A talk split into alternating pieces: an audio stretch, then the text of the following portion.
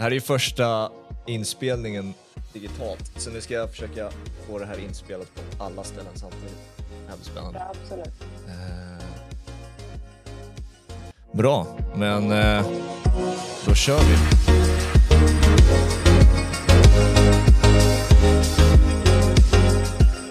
Man vill ju börja egentligen med att säga vad äntligen på ett sätt. Vad är det nu? ett eh, år känns som in the making och äntligen så är det dags. Äntligen så är vi igång. Ja, det är mitt fel, tyvärr. Nej men vad fan, det är bara kul att någon, är med. Att någon säger jag är med alltid kul, men alltså det, det är ju efterlängtat på många sätt ju. Du, Ja, men det tycker jag också. du, du är ju med och poddar mycket så ni har ju börjat på, på många sätt, Annel berättade det förra veckan, att ni har ju börjat med de här, eh, det kör ni också med video nu, på Expressen mycket mer, eller hur? Mer poddformataktigt, lite längre och sånt där, är kvartsmässiga. Ja, exakt.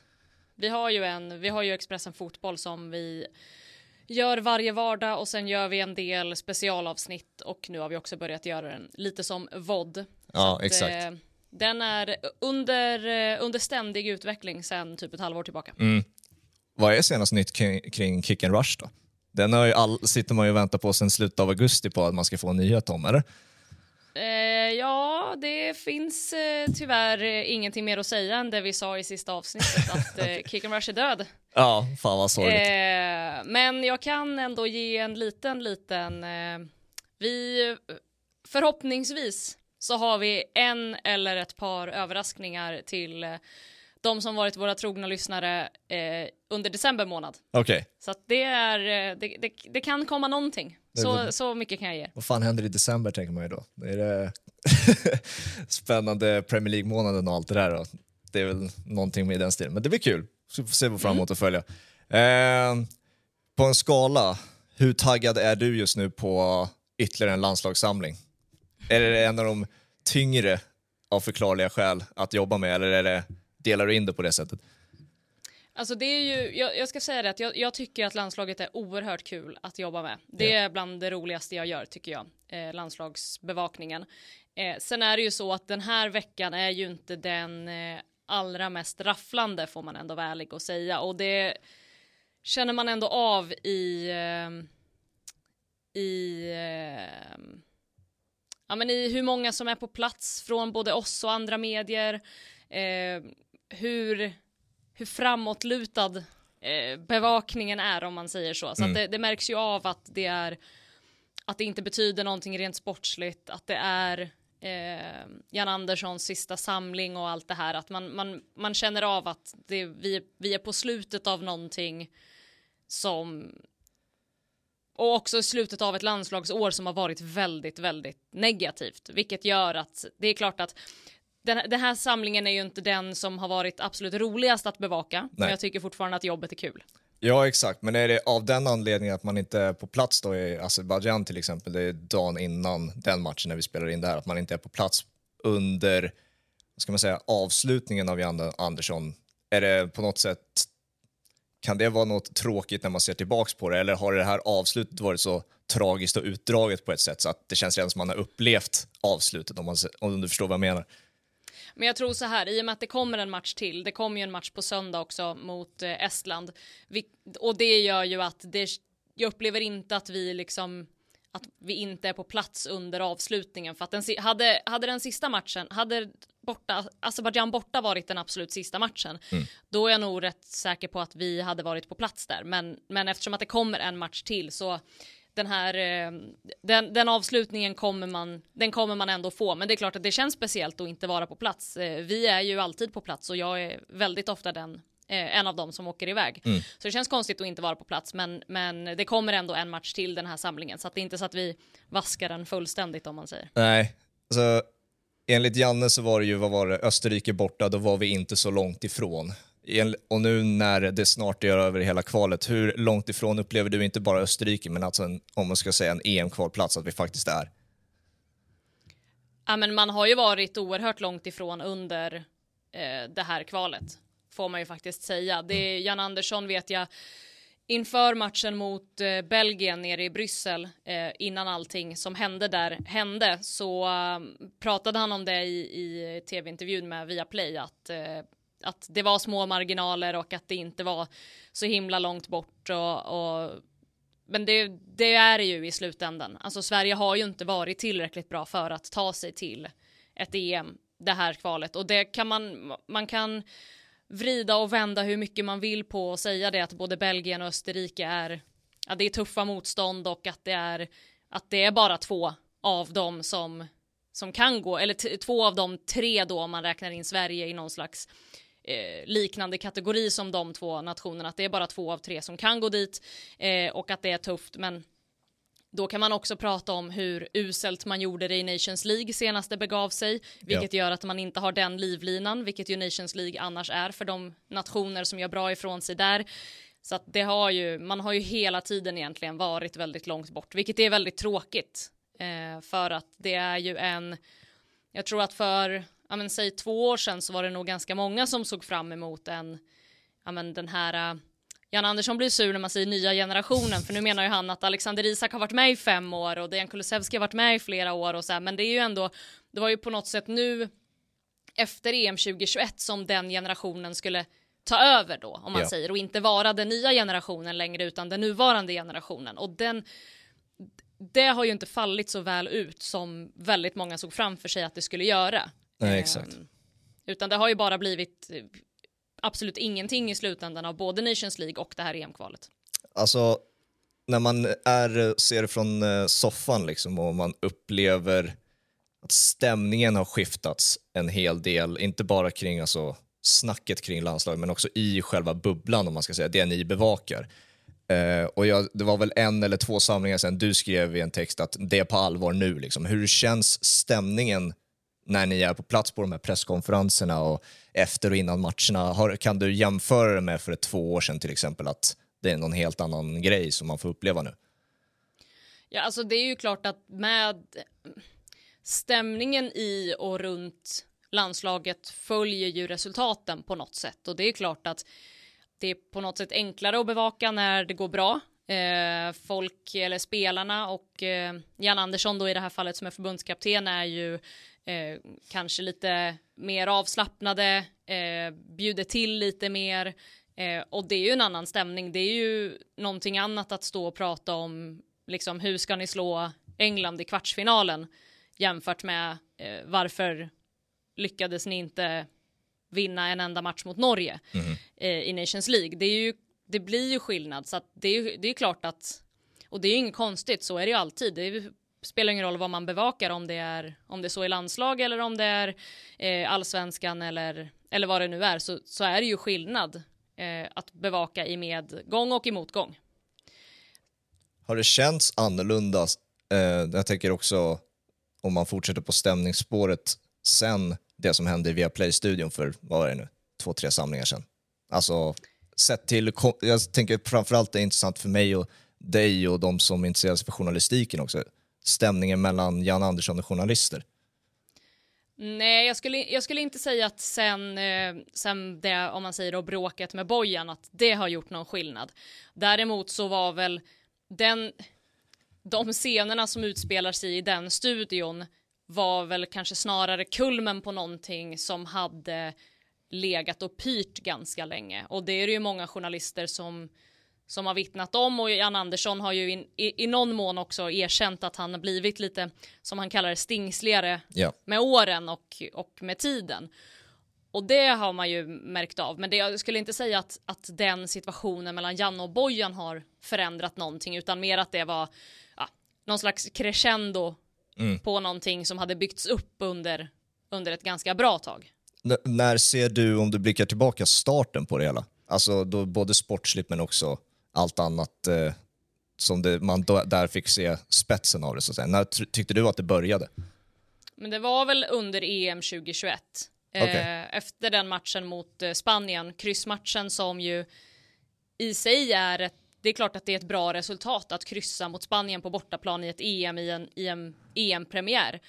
Eh, men skriverierna som blev efter den matchen att Sverige var så himla tråkiga och att man inte försökte ens göra någonting förutom att, att försvara och, och sådär. Både liksom internt i, i Sverige men de, den kritiken kom ju också utifrån. Det var ja. ju i många andra nationers media som det skrevs om, om Sverige som jordens tråklag liksom. Eh, och eh, där någonstans, nu var ju inte jag på plats på det mästerskapet men så som Eh, jag uppfattade det hemifrån eh, kring eh, presskonferenserna och så med Jan Andersson och hur mina kollegor som var på plats har beskrivit det så började det väl någonstans där att, att Jan, Andersson, Jan Andersson någonstans började tröttna på eh, ja, men på den här bilden av Sverige och bilden av vem han är som förbundskapten. Och det vet jag att jag har pratat med honom om det tidigare för att eh, men med hans första landslag om man säger och, och under de första åren så så har man ju också ganska ofta mot större nationer, alltså man tog sig till VM genom att försvara i 90 minuter på San Siro ja. mot Italien. Så, att det, så där har man ju spelat mot större nationer och det har ju varit ganska eh, underförstått och accepterat på något sätt att Sverige inte kan spela mot de här nationerna på deras villkor utan Sverige behöver göra det på sina villkor och då är det det här sättet som gäller. Men, men jag tror att det hängde ihop lite med att de här ja, men med Dejan Kulusevski, med Alexander Isak och, och den typen av liksom, den unga, yngre svenska fotbollsgenerationen liksom, spelare ser ut på ett annat sätt än vad de har gjort tidigare. Ja. Eh, och, och det svenska liksom, fotbolls-DNA kanske inte riktigt har hängt med i, i den utvecklingen och jag, ty jag tycker att många andra har också beskrivit det väldigt bra som att många av de här unga spelarna som, som kommer fram idag och som tas in i landslaget idag, de har inte så stor relation till svensk fotboll egentligen, utan alltså en sån som Dejan Kulusevski, han flyttade utomlands i liksom eh, tidiga tonår. Alexander Isak flyttar utomlands väldigt tidigt efter att förvisso ha spelat i allsvenskan men inte särskilt mycket. Eh, de, de är skolade i en annan, i en annan fotboll ja. Eh, och jag tror att det var därifrån som den här kritiken började ju växa. Och där blev Jan Andersson också allt mer allt mer trött eh, på den och eh, trött på oss eh, väldigt mycket tror jag. ja, han har väl några namn på den där journalistlistan som man inte är jättepigg på, på att svara frågor på. Vi behöver inte nämna namn kanske, men vi, man kan räkna ut det vilka det är när man följer de där presskonferenserna. Eh, men någonting som också slår mig när, när alltså, vi nådde ju inte höjden av det, eh, av det spelet eh, som vi vet att vi kan spela förutom i möjligen en match och det är Spanien på Friends. Så, så mm. den typen av insats heller, hjälpte ju inte heller Janne när man nu kanske ser tillbaka på det. Bara den höjden och den typen av fotboll kan vi faktiskt spela. Men tyvärr kanske under en annan förbundskapten då. Ja, och sen så tror jag också att eh, de här förklaringarna som Jan Andersson har delvis till att det har gått som det har gått senaste åren, de är ju såklart, eh, men de är ju giltiga eh, i, i viss utsträckning det här att han har haft extremt mycket eh, skador. Eh, han hade väldigt många, om man säger ledare som tackade för sig efter, efter 2021 där. Mm. Eh, och han har haft väldigt, väldigt mycket skador. Framförallt har han haft skador i, i backlinjen där man ju knappt har spelat samma backlinje men två matcher i rad de senaste två åren och det har roterats väldigt, väldigt mycket. Eh, han har också haft eh, ja, men en spelare som Albin Ekdal som många kanske är ganska less på. Eh, han bidrar ändå med någon form av stabilitet och, och trygghet i, i en startelva med väldigt många spelare som besitter andra egenskaper och ska göra mycket annat. För det glömmer man ju ofta bort att för att kunna spela den här eh, offensiva fotbollen som alla ser skulle kunna vara möjlig med det spelarmaterialet man har så måste en nation som Sverige också ha en enorm trygghet bakåt. Mm. Och det har man verkligen inte haft senaste åren. Så att i viss utsträckning så är ju de här förklaringarna och, och, det som Jan Andersson har tryckt på hela tiden. Han sa det senast när han tog ut den här truppen och fick frågan från eh, någon, kommer tyvärr inte ihåg vem det var, vad som blir viktigt för nästa förbundskapten. Eh, och då säger han det att det absolut viktigaste är att spelarna spelar i sina klubblag. Mm. Att de får speltid och att de är hela och friska. För att har man inte det så har man inte heller så himla mycket som förbundskapten. Det finns inte så mycket att göra som förbundskapten om spelare kommer ur form, småskadade och, och sådär, utan då, då, blir det, då blir det vad det blir de där tio dagarna man har ihop. Eh, så att jag, jag håller ju, jag tycker ju att det är ett bra läge att byta förbundskapten. Eh, kanske hade man kunnat gjort det något tidigare, men, men nu är det ju absolut läge. Och jag tror också att det finns andra tränare som kan få ut mer av den svenska offensiven. Mm. Men med det sagt så är jag också orolig för den svenska defensiven och, och hur den ska formeras framöver och, och hur den framförallt ska få kontinuitet. Ja, men det, det är väl där frustrationen också kommer till att om man hade blickat, eller sett ett steg eller två fram så hade man ju kanske kunnat se en Lagerbielke, Hien och eh, Starfelt, alltså kunnat få ännu mer speltid och därav har etablerat sig och därav liksom hade vi kunnat få se en, de alternativen vi faktiskt har i spel och veta ungefär vad som komma skall tillsammans med Victor Lindelöf. Nu vet vi ju inte det. Det enda vi vet är typ vad vi får ut av Lindelöf för att eh, alla chanser har inte getts till de här spelarna. Nu är det framförallt man tänker på de offensiva talangerna som man inte heller får se i det svenska landslaget, men i backlinjen kunde vi fått se dem också. Eh, jag har sagt, Joe Mendes gjorde en Champions League-match mot Real Madrid. Hade det kunnat vara spännande att se honom eh, på högerbacken? Ja, men det är inte det riktigt. Det är inte så vi har jobbat de senaste åren. Nej, nej men så är det ju verkligen. Eh, och jag är ju inte säker på att det hade sett helt annorlunda ut om Jan Andersson inte hade haft alla de skadorna som han har haft i truppen. Eh, för att, eh, men, men, samtidigt så, så, tror jag ändå att hade det varit bättre kontinuitet på de viktigaste positionerna i, i landslaget så hade det säkert gått att experimentera lite mer mm. än vad man har gjort. Eh, nu har det varit väldigt mycket som har svängt och då även om jag hade kanske önskat att någon annan än Martin Olsson kallas in när det kommer en skada. Så det går på något sätt att förstå Jan Anderssons trygghetstänk där i att när jag, när jag får ett bortfall så kan jag inte plocka in en ung spelare som inte har varit med tidigare och testa honom i en tävlingsmatch, utan jag måste luta mig tillbaka på någonting som jag vet fungerar och jag vet att Martin Olsson fungerar och då blir det honom jag plockar in. Alltså jag kan, jag kan verkligen förstå den, även om jag också tycker att det är pisstråkigt. Mm. Hur mycket tror du det tänket och de, eh, vad ska man säga, det snacket som nu har påverkat Janne Anderssons laguttagningar kommer påverka förbundskaptenen framöver? För att det här är ju liksom en, en diskussion som sker nu varje uttagning och det finns alltid åsikter varje landslagsuttagning oavsett vilken förbundskapten mm. man pratar om. Men det är ju en väldigt tydlig trend här. Tror du tror att det kan vara en, någonting man blickar mot än mer för kommande förbundskaptener? Alltså jag tror och hoppas att eh, vad media skriver och vad svenska supportrar tycker inte påverkar en förbundskapten särskilt mycket för att vi, jag, jag, tror att det behöver vara en så pass, och det ska man säga, är det någonting man ska ge Jan Andersson så är det ju att han inte har lyssnat egentligen på den Ja. den kritiken och den, han har ju aldrig varit någon populist som plockar ut den. Han sa det senast i, i måndags här också när, när vi ställde frågor om Ronny Bardghji till honom att jag skulle aldrig ta ut någon för att vara populist utan jag tar ut de spelarna jag tycker är bäst. Och det är ju den auktoriteten och den liksom den starka stolen måste en förbundskapten sitta på för att det här ska bli bra. Mm. Det råder inga tvivel om det.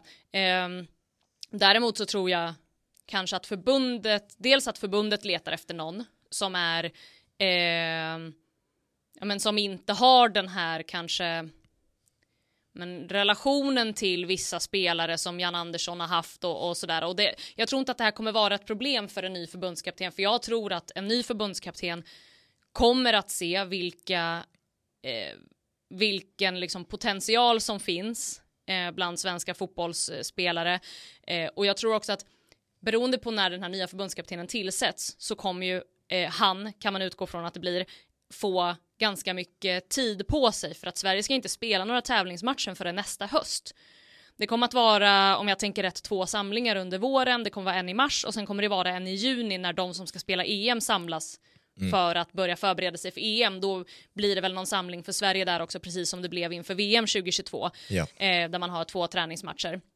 Så man kommer att ha fyra träningsmatcher på sig och sen när tävlingsmatcherna väl börjar så kommer ju de att bli otroligt viktiga såklart för att då är det Nations League och det kommer vara viktigt att göra ett bra resultat i Nations League och framförallt att gå upp till B, alltså B-divisionen igen för det är åtminstone där Sverige ska vara mm. när vi pratar Nations League. Man ska ju inte ligga i C som man kommer göra nu men där kommer också sannolikt motståndet också ge utrymme för att men som du är inne på, spela in spelare som inte har varit så jättemycket i landslaget tidigare och ge. Så att jag tror inte att det kommer vara ett, ett problem med, med nästa förbundskapten. Däremot så kommer det ju alltid att, som du var inne på också, det kommer ju alltid finnas kritik. Mm. Den kommer ju ingen förbundskapten komma undan, att det liksom sitter folk ute i stugorna och tycker att den och den skulle varit med istället för den och den och att eh, det här och det här var ett tråkigt val för att vissa av de som är bärande spelare idag tror jag nog att man kan räkna med kommer vara med sen också och någonting annat vore helt galet. Alltså ja. spelare som eh, Robin Olsen om han bestämmer sig för att fortsätta, vilket det verkar som att han har gjort nu. Eh, Viktor Lindelöf, eh, Emil Forsberg, alltså den typen av spelare kommer ju, kommer ju nya förbundskaptenen behöva och vilja ha med. Någonting annat kan jag inte se framför mig, men att just att vissa av de här äh, extra spelarna, truppspelarna som, som har varit väldigt mycket förknippade med Jan Andersson, de kommer nog få svårare att slå sig in i landslaget framöver. Det tror jag man kan vara rätt övertygad om. Ja, exakt. Man får försöka använda den här. Hur många är det nu som tar en plats i, ett, i en landslagstrupp? Är det 23 ungefär, eller?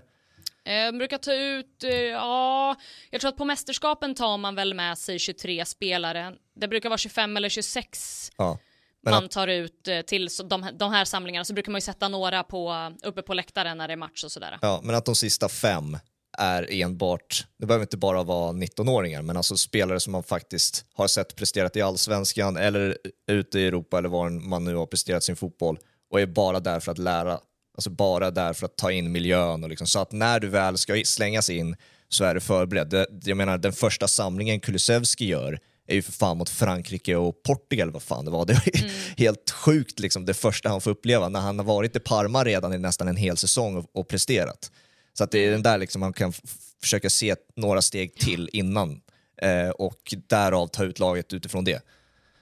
Ja men absolut, och det ska ju vara, jag menar, dels, jag, jag håller verkligen med Janne i det han säger att eh, förbundskaptenen ska ju ta ut de spelarna som är bäst och inte, inte liksom stirra sig blind på vilka som vore kul om de blev bra, utan man måste ju ta ut de spelare som är bäst. Allting kan hända, det kan, det dyker upp skador eh, under träningar och under matcher och du måste ha de spelarna som är på bänken måste du i alla fall ha, även om de inte har gjort 25 eh, landskamper allihop så måste du ju ha en, en tilltro som förbundskapten på att de kommer att lösa det här på det sättet som jag vill att de ska lösa det på. Ja. Eh, men det ska man ändå säga till Jannes, jag förstår kritiken mot att att han har varit sen på bollen med, med många spelare och, och det, det, finns ju också spelare som har valt bort Sverige till exempel. Den diskussionen finns ju också, men man pratar om Rooney Bardghji. Jag, jag kan också tycka att han skulle varit med den här samlingen. Samtidigt har jag svårt att bli helt rasande för att jag förstår. Jag kan också förstå varför Janne inte tar ut honom, inte utifrån det han. Hans motivering är att han har mer kvar att bevisa innan han är är uttagningsbar för ett A-landslag. Det håller jag inte med om. Eh, däremot så kan jag förstå utifrån att det är hans sista samling, det är två sportsligt betydelselösa matcher, att det finns, jag, jag, förstår att det finns andra värden som gör att han inte väljer att plocka ut honom här och nu, men ska man säga någonting så är det ju att Jan Andersson är ju ändå den förbundskapten som plockat in Dejan Kulusevski, Alexander Isak, eh, Jesper Karlsson. Det, det, finns ett antal spelare som han ändå har varit med och, eh, och plockat in och inte varit fullt så sen med som, som väldigt många vill, vill få det till. Och sen så kan man också välja att se det som att ah, men Jesper Karlsson har inte fått mycket speltid under Jan Andersson. Man kan tycka att han skulle fått mer och så kan man vrida och vända på konkurrensen och hur man väljer att ställa upp sitt lag och allt det här. Men Jesper Karlsson är ju en sån spelare som kommer i allra högsta grad vara redo när nästa förbundskapten kliver in om det är så att den förbundskaptenen vill spela med Jesper Karlsson från start. Då har Jesper Karlsson varit med tillräckligt mycket i landslaget nu för att ha full koll på grejerna. Ja. Eh, inte rent spelmässigt för att man kommer förmodligen spela på ett annat sätt, men liksom i rutiner och i den miljön och, och sådär. Så att han har ändå plockat in en hel del av de här. Jens Kajuste är också en sån spelare. Ja, exakt. Eh, jag tänkte på det där med det knyter ju an till skadorna som man fick uppleva framförallt var det sommaren 2022-samlingen där, juni, när mm. det var 15 spelare som gick sönder eller vad det var. Eh, så de här landslagsuppehållen, landslagssamlingarna som har utökats, den här hösten bara har, vad har vi sett? Fyra samlingar nu eller någonting på den här hösten? Tre ja, i alla fall? Sep september, oktober, november. Ja, och det är någonting som man känner av hemma i soffan bara? Ytterligare ett uppehåll liksom från klubblagsfotbollen på grund av att vi gillar det. Hur, hur har den varit, eh, skulle du säga? Eh, hur har den gått bemärkt nu när det har varit så tight och man har ökat de här samlingarna? Eh, är det någonting man märker av överhuvudtaget? Ja, alltså det, det, som är den stora skillnaden egentligen är ju att man knappt spelar några träningslandskamper längre. Vilket mm. ju när man bevakar landslaget och säkert för alla som sitter hemma i soffan också och kollar är rätt skönt att det inte är en, liksom, en pissmatch mot Moldavien ja. varje samling utan att, och det är ju någonting Nations League ger ju ändå det här att, att det blir tävlingsmatcher hela tiden.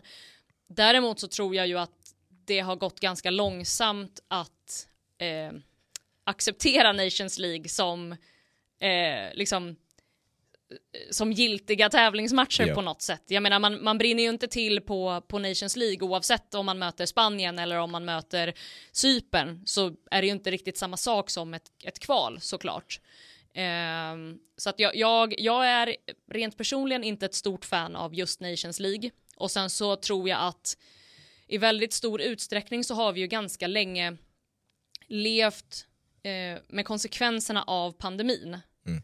Eh, dels med konsekvenserna av pandemin, eh, med konsekvenserna av att eh, Fifa fungerar som det gör och flyttar mästerskap eh, från somrar till vintrar.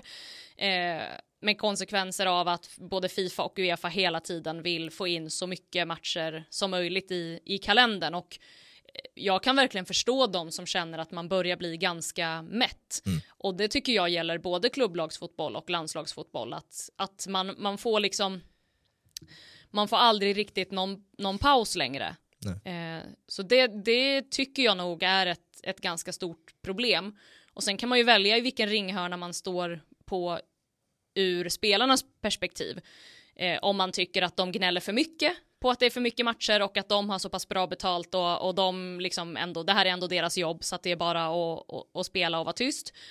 Eller om man har någon slags förståelse för dem att, ja men kollar man på eh, kolla på Newcastle, kolla på Tottenham, ko kolla på många av de här lagen ute i, i Europa, att man har ju i stort sett aldrig en full trupp att jobba med, utan det är alltid fem, sex skador i mm. de allra flesta stora eh, stora lag som spelar väldigt mycket matcher un under säsongen. Så att, nej, men jag, jag tror nog att eh, rent landslagsmässigt, jag tycker som sagt att det jobbet är kul. Jag tycker att det är bland, bland det roligaste jag får göra i mitt jobb. Eh, så att, att det är många samlingar stör mig inte ur det perspektivet. Men det är ju, det är ju verkligen så att vi lever i en tid där eh, fotbollen aldrig någonsin sover. Nej, exakt. Och hur kommer det påverka landslaget om vi har varit inne på skador redan? Vad är det för typ av skadedrabbat landslag vi till slut kommer att ha? Jag menar, världsstjärnorna mm. bara sänker sig själva just nu. Så vad har vi med vår redan tunna liksom, skara av talanger vi har i, vår, till, i våra landslagstrupp?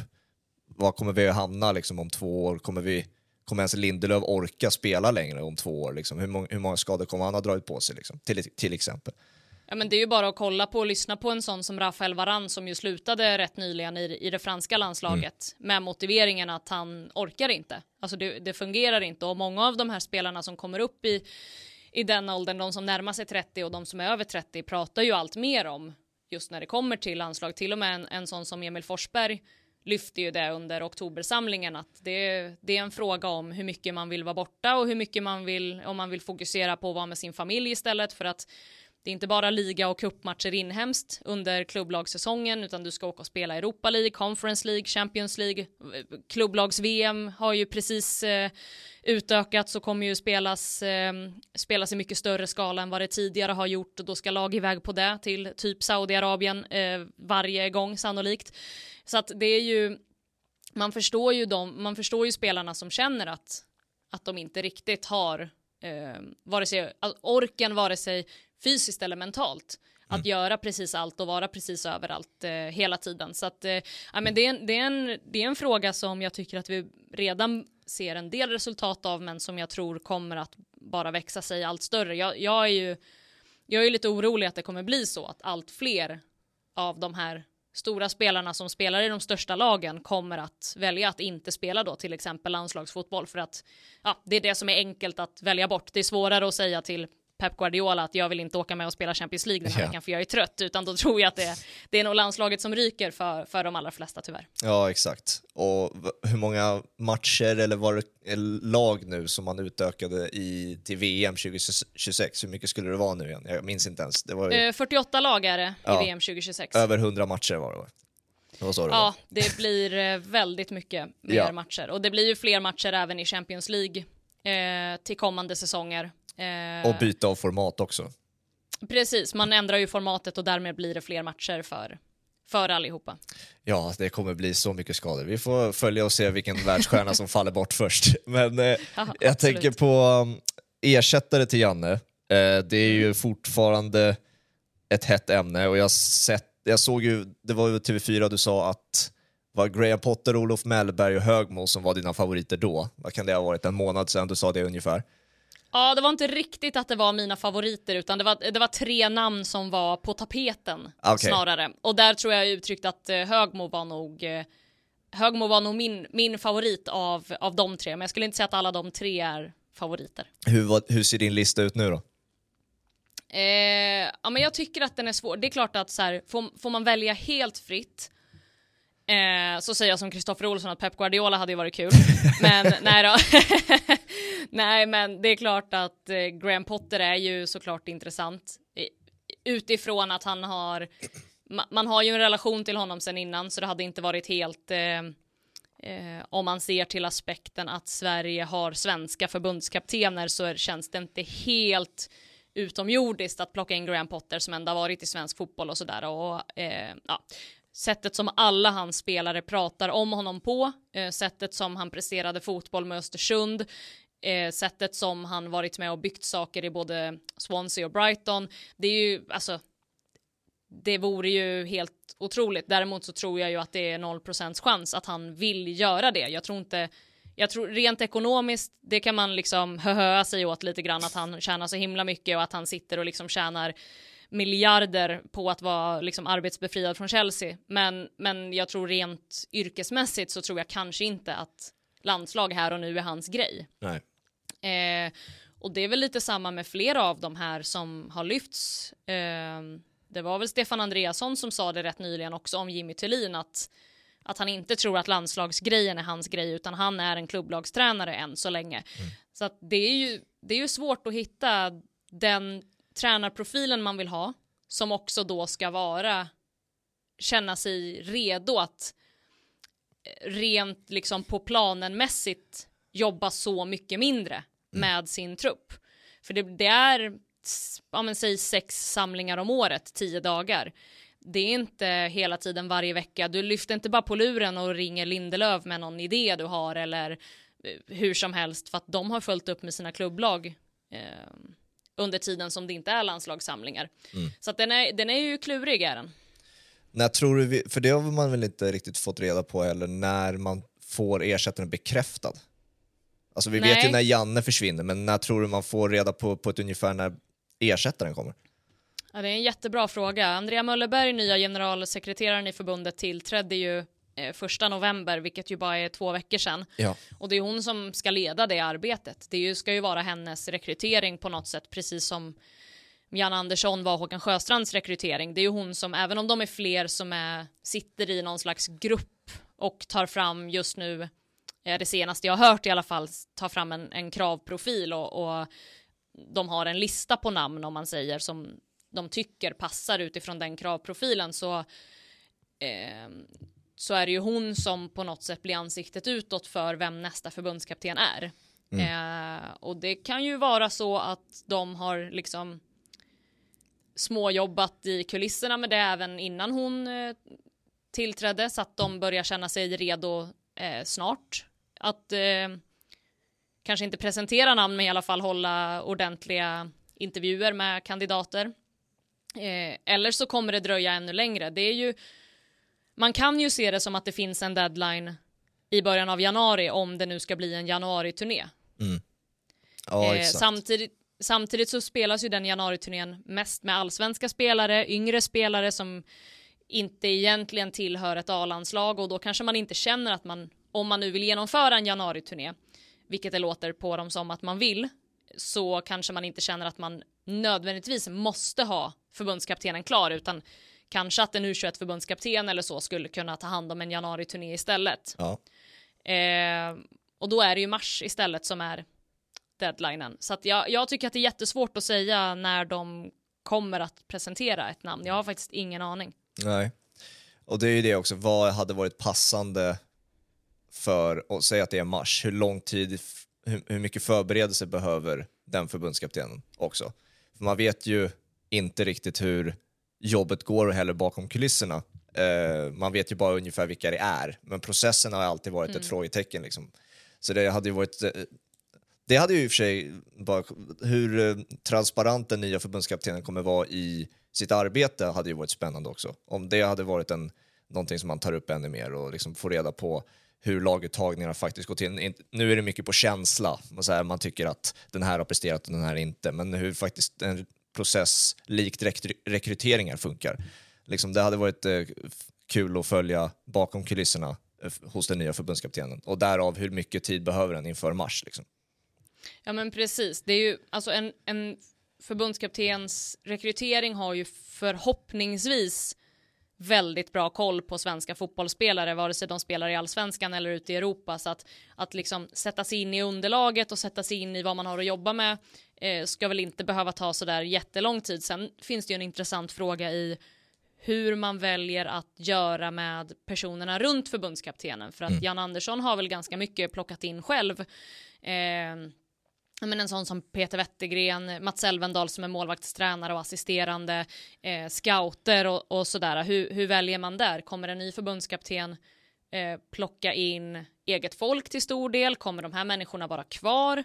Då kanske det i så fall blir enklare på något sätt. Om, säg att eh, eh, ja, men säg att scouter i stor utsträckning, kanske medicinsk personal och sådär, att, att de, om de är där redan så kanske det också blir en, en lättare ja, men, övergång på något sätt eh, mellan de två förbundskaptenerna. Men det, ja, det, är, det är mycket som eh, det är mycket som inte är på platsen, men det är klart att det är så att man måste eh, eller att det blir intressant att, att följa hur den nya förbundskaptenen kommer jobba. Jag vet att Andrea Möllerberg var ju i Fotbollsmorgon här, här om morgonen och pratade om att det som kommer vara viktigt är ju just det här att förbundskaptenen ska vara ganska väl förankrad i i, i liksom den europeiska fotbollen på något sätt och den världen som många av eh, många av dagens fotbollsspelare lever i och har levt i stora delar av, av sitt professionella fotbollsliv. Eh, men också att det ska vara en, ja, men om man säger en matchcoach Ja. som har det här i sig att nu är det, det är två matcher på tio dagar. Det handlar bara om att vinna. Det handlar inte om att ja, men, försöka utveckla spelare eller att utveckla någonting nytt. Utan, så det kan man ju också anta att det kommer att bli en förbundskapten som har en ganska tydlig bild av hur han vill spela fotboll med det material som han vet finns till hans förfogande. Ja, det är ju det att många vet ju på ett ungefär, eller har på sitt, med sina hobbyanalyser hemma, vet ju på ett ungefär hur man vill att ett svenskt landslag ska spela numera med alla talanger. Det ska gärna också vara alla sex offensiva spelare, pjäser längst fram och så. Exakt. Eh, och eh, verkligheten är ju oftast en besvikelse just nu. Men vad tror du, hur, hur mycket där, för jag tror ju det att vi kommer ju landa någonstans där mitt emellan eh, hos den nya förbundskaptenen. Vad tror du att vi landar i mellan det här vi ser nu i Janne och de förväntningarna många har hemma i sofforna? Vad tror du vi landar i, i det spelsättet vi faktiskt kommer se ett svenskt landslag spela? Jag tror väl så här att eh, jag, jag tror att utifrån hur obalanserad talangpoolen är om man säger mellan offensiva och defensiva spelare. Eh, det finns väldigt många fler offensiva spelare som känns eh, snart startklara i ett landslag eller redan nu startklara i ett landslag än vad det finns defensiva. Eh, så, så tror jag nog, jag skulle, det skulle inte förvåna mig om om väldigt mycket av det som är svensk fotboll och har varit det väldigt länge kommer att liksom till viss del genomsyra även ett framtida landslag. Det vill säga att ja, men möter man eh, Frankrike, Spanien, eh, kliver man in liksom i, i världsmästerskap och möter Argentina, Brasilien, alltså den typen av världsnationer så kan, ju, kan man inte förvänta sig, tror jag, att Sverige ska vara ett liksom spelförande och bollhållande lag i den utsträckning som många tänker att man ska kunna vara, utan att det, det kommer att behöva balanseras ett spel och då tror jag att en, en defensiv stabilitet måste vara en styrka. Det måste vara en av de främsta styrkorna i ett svenskt landslag. Sen har man ju absolut möjlighet att, att spela på de offensiva krafter man har. Säg, men säg lite likt ett Elfsborg. Att man har, mm. man har möjligheten till väldigt snabba anfall, till mycket kombinationer, till stark omställningsfotboll. Eh, det, jag, jag, skulle inte bli förvånad om det, om det är där vi landar i, att det, att det är de bitarna som Sverige kommer vara bra på, snarare än att man ska vara liksom Barcelona 2009. Det tror inte jag är realistiskt. Nej, Nej exakt. Och då, om man ska ta fram eh, spåkulan lite då, vad kan det finna, vilka namn som det pratas om redan nu eh, och som också har bekräftats var några stycken som inte kommer fortsätta efter Janne. Det är väl Albin Ekdal har sagt bland annat att han inte fortsätter efter Janne. Vilka kommer ja. vi få se kliva ur en trupp och vilka då blir ersättarna på ett sätt? De mest självklara, för vissa flyttar ju såklart inte på sig. Nej, men jag tror, jag tror att av, eh, av de eh, väldigt givna spelarna under Jan Andersson så är det väl egentligen bara Albin Ekdal som kommer att sluta. Mm. Och det tror jag har att göra med mycket kroppen och, och sådär och att det är långt till nästa mästerskap. Robin Olsen sa ju som sagt i, i här i veckan att han eh, att han är väldigt sugen på att fortsätta. Det är för roligt och han känner sig inte färdig och, och det är viktigt för honom. Landslaget är väldigt viktigt för honom, mm. beskrev han, att, att få komma och prestera i och få liksom stå där som Sveriges målvakt och, och, och va, vara bra liksom. Mm. Eh, och jag tror väl, det är klart att det finns ett frågetecken kring Emil Forsberg om han nu ska flytta till USA eh, mm. från ingenstans så är det klart att det finns ju ett frågetecken där. Han var ju en av de som, som lyfte det under förra samlingen också att det, han kanske börjar se slutet i landslaget men att han inte riktigt visste. Eh, flyttar han till USA då är det helt plötsligt en eh, längre resa för honom att göra hem till landslaget. Det är en tidsomställning, det blir en han kommer att spela på en lägre nivå rent sportsligt i New York än vad han gör i Leipzig. Mm. Eh, så det är klart att det, utifrån det finns det kanske ett frågetecken kring Emil Forsberg, men, men jag skulle nog säga att i en, i en ny förbundskaptens första trupper så har jag svårt att se att Emil Forsberg inte är med, även om han flyttar dit. Eh, så länge han inte säger själv att mm. han känner sig klar, att nu vill han bara leva life i USA och eh, liksom softa med familjen när det inte är när det inte är klubblagsfotboll som gäller. Eh, men sen är det ju många tror jag ur de här eh, om man säger truppspelarna under Jan Andersson som kanske inte riktigt får. Jag har ju svårt att se Martin Olsson eh, kallas till landslaget under ny förbundskapten. Även de här spelarna som har varit med, men som har varit med lite då och då och som också har varit lite trygghetsspelare. Jag tror att Marcus Rodén mm. mycket väl kan ha gjort sitt i landslagstrupper. Eh, jag skulle tro att en ny förbundskapten tycker att det känns eh, relevant att ha med två stycken yngre målvakter mm. bakom Robin Olsen och att Kristoffer Nordfeldt kanske inte riktigt är, är där längre, att han ska vara med i en, i en landslagstrupp. Eh, både utifrån ja, men, kvalitetsmässigt men, men också åldersmässigt. Att då är det mer relevant att, att, plocka in två stycken yngre målvakter så att man på sikt har den då som ska ta över den dagen som Robin Olsen kliver av. För att om den personen är Kristoffer Nordfeldt så är han Säg att det är två år kvar eller tre år kvar tills Robin Olsen väljer att lägga handskarna på hyllan. Ja, då är Kristoffer Nordfeldt också ganska gammal. Eh, så att eh, det, det, tror jag man kan förvänta sig att det är ny, nya Ny, en ny målvaktstrio tror jag att vi kommer få se i ganska stor utsträckning. Ja. Och sen vad gäller spelare som ska in så är det ju jag tror att man kommer att välja att kolla mot spelare som Eh, ja, men Ronny Badaji såklart, tror jag är supergivet att han är med i en första trupp hos en ny förbundskapten. Eh, men spelare som ja, men Lagerbjälke kommer nog eh, också säkert att eh, få eh, mer tid och plats. Eh, Hugo Larssons roll kommer förmodligen bli större än vad den, vad den har varit. Pratar man ytterbackar så finns ju en sån som Joe Mendes till exempel. Det är ju position man har haft svårt med och där de liksom beprövade alternativen eh, inte heller blir yngre och kanske inte har den där topp, topp kvaliteten som gör att de måste till varje pris vara med. Mm. Som till exempel en Robin Olsen eller en Victor Lindelöf. Så att, eh, ja men det finns, eh, det finns ju väldigt mycket spelare att plocka in i ett nytt landslag om man säger. Mm.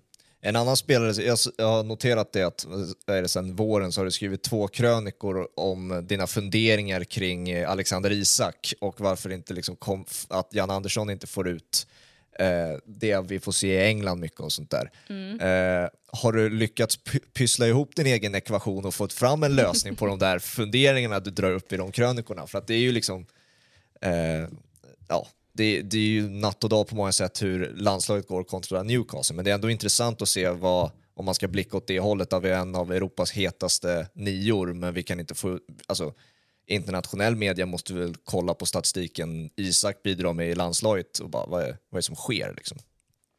Ja, men jag, tror att, jag tror att det finns ganska enkla förklaringar till det här och det är ju att dels att miljön i landslaget är inte densamma som i en storsatsande Premier League-klubb. Eh, spelsättet är ju inte alls på, eh, fungerar inte alls likadant. Jag tror att Newcastle spelar en fotboll, Real Sociedad tidigare för all del också, spelar en fotboll som, som passar Alexander Isak bättre än vad landslaget har gjort.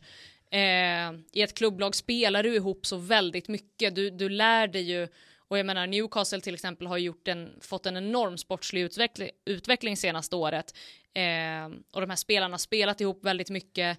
Eh, de ses varje dag hela tiden.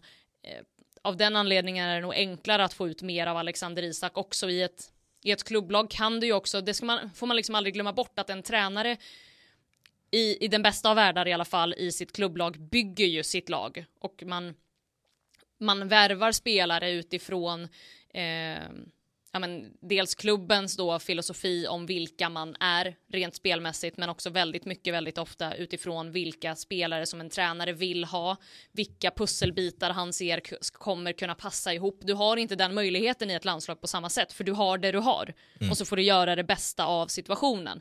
Så jag tror att det är olika saker. Det, det är spelsätt det är kvalitet på spelarna runt omkring en eh, och det är eh, ja, men just de här bitarna att eh, det är enklare att jobba upp den typen av eh,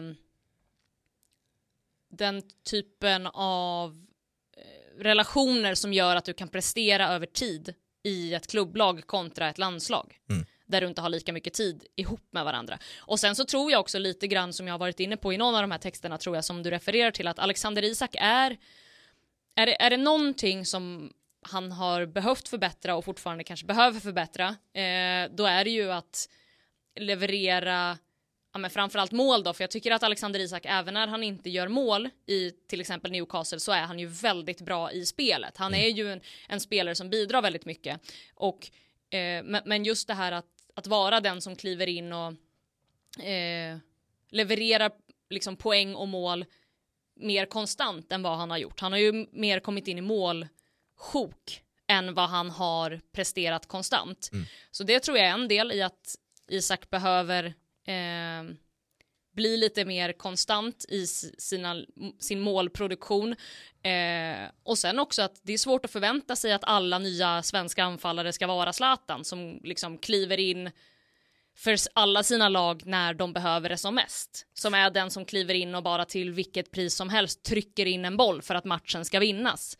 Eh, det är, det är relativt sett få fotbollsspelare som är den typen av spelare. Mm. Och jag tycker inte att man kan förvänta sig att bara för att Alexander Isak är Sveriges nummer ett anfallare så måste han vara den anfallaren, utan antingen då får man försöka se om till exempel Gyökeres kan vara den anfallaren och satsa mer på honom om man vill spela med en ensam eh, striker till exempel.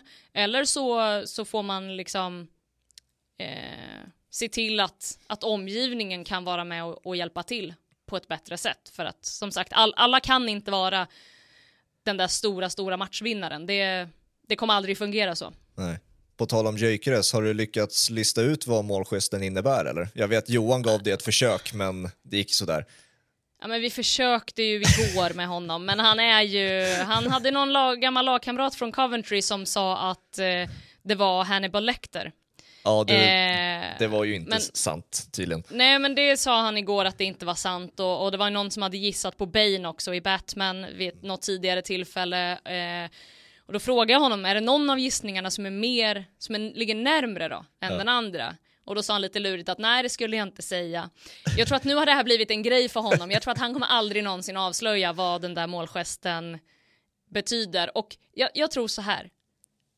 Någon skulle nog mycket väl ha kunnat gissa rätt, bara det att nu är han stenhuvud och vägrar säga att det är rätt. Utan att den där, den ska, den ska hållas hemlig eh, till varje pris. Ja, det är ett smart sätt om man vill, vad ska man säga, öka sin klickfrekvens så har man såna där grejer som går för sig. Slipper man fokusera på fotbollen kan sånt ta, för, ta, ta vid istället.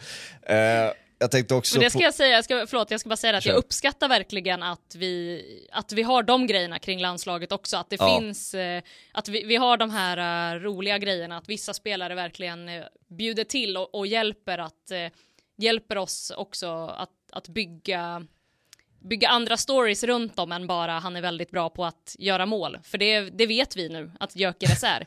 Eh, men vi vet inte vad hans målgest är och det är därför han fortfarande är lite mystisk. Ja, nej men det är ju i och för sig en, eh, ett samtalsämne att ha också hur ja, det kanske, du kan ju bekräfta eller inte om du upplever att eh, landslaget, för det är det vi har uppskattat med svensk fotboll, att det har varit så öppet och tillgängligt för allsvenskan och så vidare. Eh, men att man, alltså internationellt har det ju varit precis tvärtom, stängt. Och hur mycket det har börjat ta över landslaget, om det upplevs som mer stängt och att det börjat kännas så. Både hos spelarna som kanske upplevs som mer mediatränad, men också att eh, landslaget som helhet börjar kännas mer och mer som stängt. Ja, men vi, jag upplever i alla fall att jämfört med när jag började bevaka landslaget på riktigt eh, 2016 så eh, ja, men så får vi ju färre, vi, vi har ju alltid ska sägas, vi får träffa spelare varje dag under landslagssamlingarna och det är minst fyra spelare varje dag, eh, vilket det är, jag vet bara våra norska kollegor när, när Sverige mötte Norge där på Friends under Nations League förra sommaren, de var ju helt chockade. De var ju så här, får ni, får ni spelare varje dag? Och vi bara ja, de bara, och de kommer flera stycken och står så länge ni vill. Och vi bara såhär, ja, vad med? Ja, självklart liksom. Och det är ju annan utländsk press på plats ibland som också är så här, gud vad trevliga de är. De stod här i tio minuter och pratade liksom. Och vi bara, ja.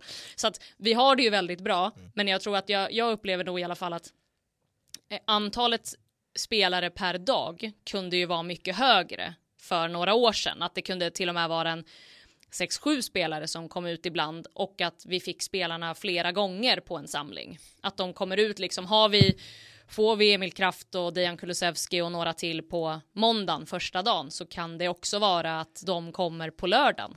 Eh, men, eh, men så funkar det inte längre utan nu kommer ju alla, alla spelare i regel kommer en gång under en samling och sen så går ju alla som har spelat måste ju gå igenom mixade zonen efter matcher. Ja. Vilket gör att man kan då hugga tag i dem där också och det är extremt sällan som svenska spelare går igenom mixade zonen utan att prata. Eh, jag, jag vet att det har hänt några gånger men jag kommer inte ihåg på rak arm vilka spelare och i vilka kontexter det är som de inte har stannat. Men jag vet att det har hänt ett par gånger eh, under, under min tid i alla fall. Men däremot så är det just lite det du är inne på att de Många spelare märker man ju att de inte, att de, att de har andra direktiv i sina klubblag och att intervjuerna man får göra med dem i den mixade zonen med landslaget blir därefter också. Ja. Eh, men sen tror jag att det är lite olika. Man får ha respekt för att alla spelare är också olika typer av människor. Det är inte alla som är, även om det på något sätt, och jag i allra högsta grad tycker att det ingår i deras jobb att prata med media, så eh, är det inte alla som är bekväma med det. Det är inte alla som tycker att det är en, en jätte härlig stund eh, av olika anledningar. Eh, kan vara som sagt personlighetsmässigt eller om man är uppe i en i en period där, då det har hänt någonting som man helst inte vill prata om eller sådär. Alltså jag, det får man någonstans ha, ha respekt för att alla kommer inte alltid kunna vara en ung Zlatan som hela tiden sa bra saker och gjorde knäppa grejer och gav rubriker och, och sådär. Men, eh, men det är klart att på vissa håll märks det att det här är en spelare som på något sätt lär sig från sin klubb att ge så lite som möjligt och se till att de, att, att de tröttnar typ mer eller mindre. Ja. Vi har nämnt Zlatan nu två gånger så att jag tänker att vi måste, som Milan-supporter och fotbollsfantast har vi inte, du och jag, pratat sen söndagen den 4 juni och jag undrar ju egentligen bara om du har lyckats smälta det som både fotbollsfantast och eh, eh, Milan-supporter eh, sen dess. Du, han var ju på en samling för inte så länge sedan. Eh, när var det? Var det i vår? Eh, Vad har han varit med i år överhuvudtaget eller har han bara det varit var ju skadad? Belgien, he, Belgien hemma byttes han ju in. Och jag minns inte när Ja. den var. Ja men det måste väl ha varit i våras. Ja. För det här kvalet inleddes väl i våras? Ja, nu har jag helt, eh, på rak arm så är jag helt eh, bortdribblad. Nu försvann du för mig här. Eh, nej men vad, vad var vi då? Det var Zlatan. Men jag tänker att eh, om vi går till eh, ursprungsfrågan var ju egentligen lite om du har smält det som hände i juni, i början på juni. Eh, både ja och eh, nej, skulle jag säga. Dels så tycker jag att eh, Å ena sidan så blev jag, jag hörde i Fotbollskanalens eh, podd häromdagen att eh, Martin von Knorring hade kollat upp huruvida det blir en Zlatan-hyllning nu i Estland, eller mot Estland, eh, på Friends Arena, som att den inte har blivit av än. Och då kom jag på mig själv med att helt ha glömt bort att Zlatan såklart borde hyllas på Friends Arena. Ja. Eh, och då, då kändes det jobbigt att eh, hans karriär liksom kändes så avlägsen i mitt medvetande på något sätt. Sen blir man ju, särskilt när man följer Milan ganska nära som jag gör, så blir man ju påmind om hans existens väldigt ofta eftersom att det väldigt mycket pratas om en eventuell roll i klubben. Eh, och det är ju på något sätt så att Zlatan var ju med och, och ganska tidigt i, i mitt eh, liv präglade mitt fotbollsintresse såklart. Och eh, sen har ju det, eh, den om man säger den, den liksom personliga relationen till fotbollsspelaren Zlatan har ju på något sätt, eh, den har ju förändrats genom åren. Dels för att man blir äldre men också för att man jobbar med det man gör och, och alla de här bitarna. Eh, men, men det är klart att det var ju, det var ju inte helt smärtfritt när han, när han la av. Även om det var väntat så var det ju samtidigt, man hade, jag hade inte kunnat föreställa mig och jag hade inte kunnat förbereda mig på eh, det suget jag skulle ändå känna i magen på något sätt när, när han sa det. Jag, jag tyckte att det, det kändes väldigt, väldigt jobbigt när han själv uttryckte att nu är det över. Ja, alltså nej men min, min verklighetsbild blir ju omvänd på ett sätt. För alltså, det slog mig också. Alla år jag har levt på denna planet har Zlatan Ibrahimovic spelat professionell fotboll. Så, så jävla... så, så liten är jag kan man bekräfta det också, men det är Ja, när är du född egentligen? 2000. Så 99 gjorde, Ah, han, väl, okej. gjorde han väl sin... Ja, det eh, stämmer ju. Så det är helt... Alltså så här, Zlatan har alltid spelat fotboll, framförallt under mitt fotbollsintresse. Så det är liksom, Ja. hur, hur ser den här verkligheten ut?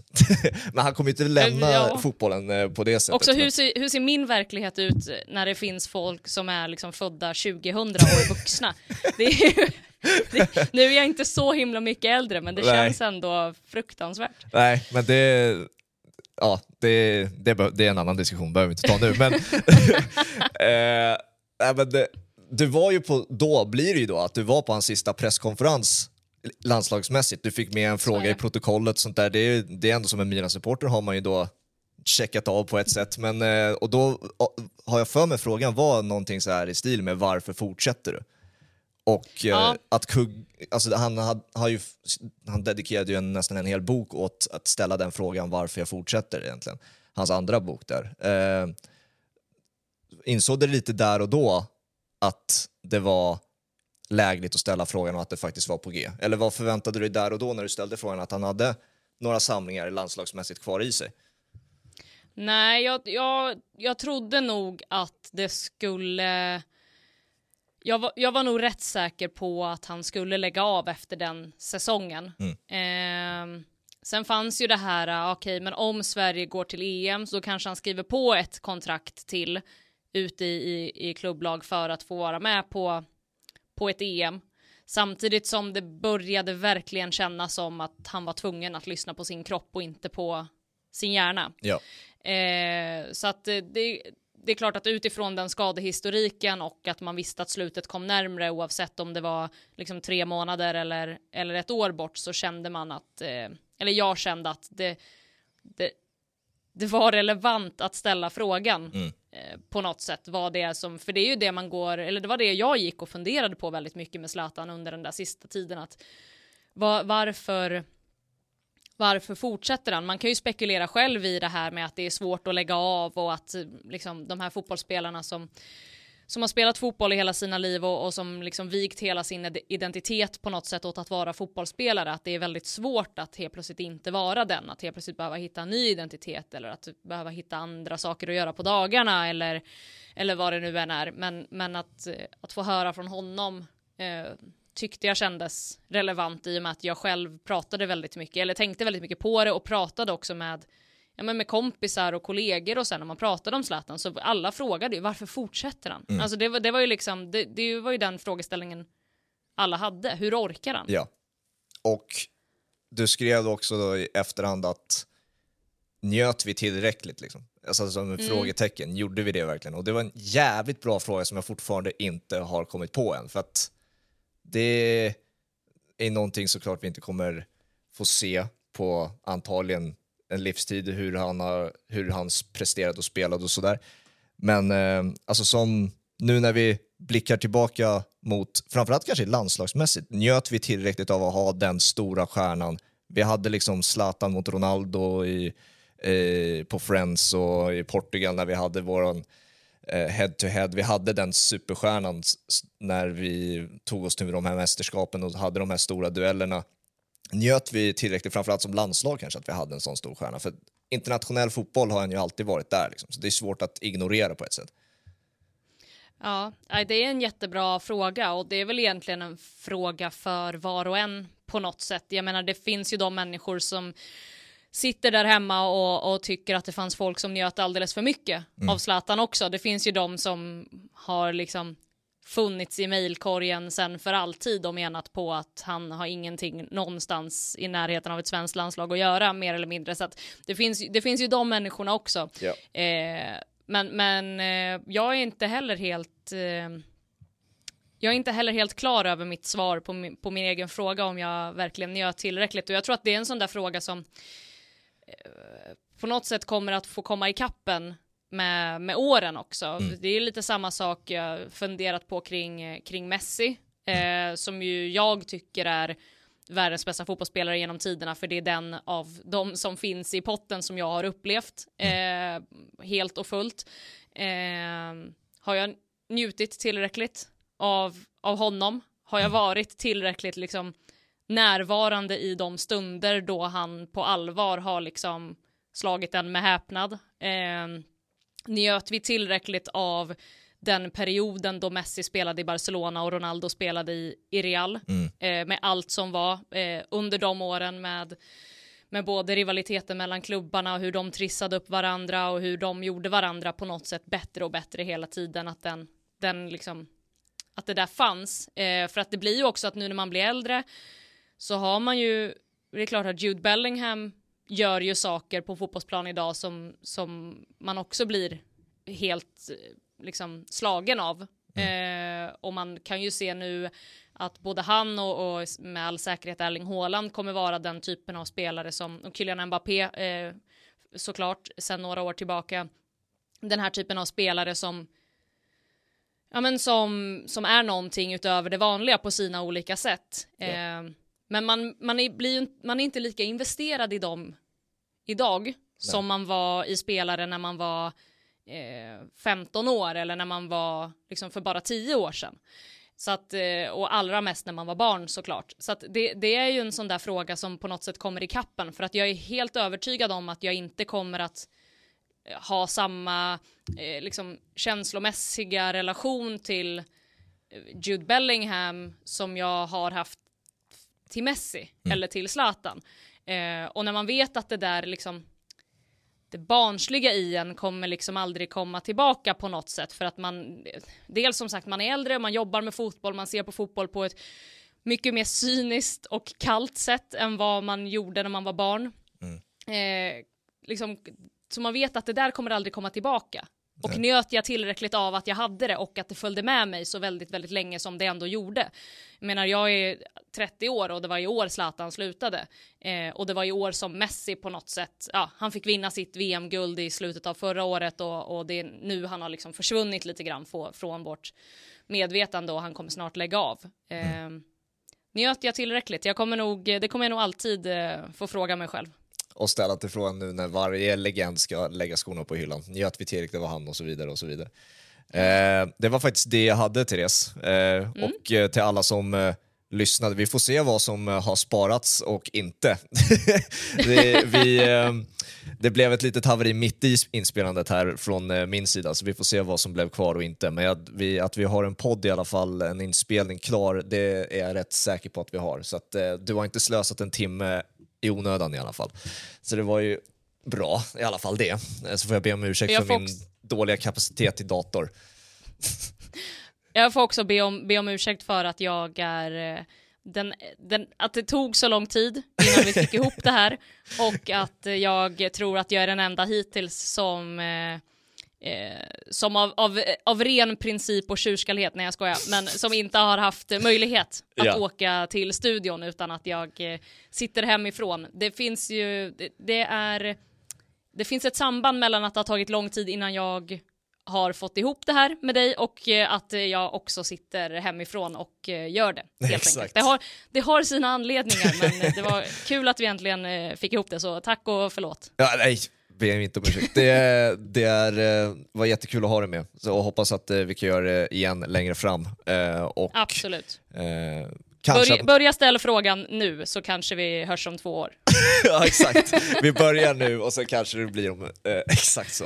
Eh, vi, och då ska vi fan inte, då ska jag inte vara nervös över att eh, inspelningsgrejerna inte ska vara i, vara i full gång heller. Så att, vi får se om det blir eh, att vi tar oss någonstans eller jag tar mig någonstans eller om, hur vi nu löser det i alla fall. Men eh, ja. det, blir, eh, det blir framöver att se fram emot i alla fall.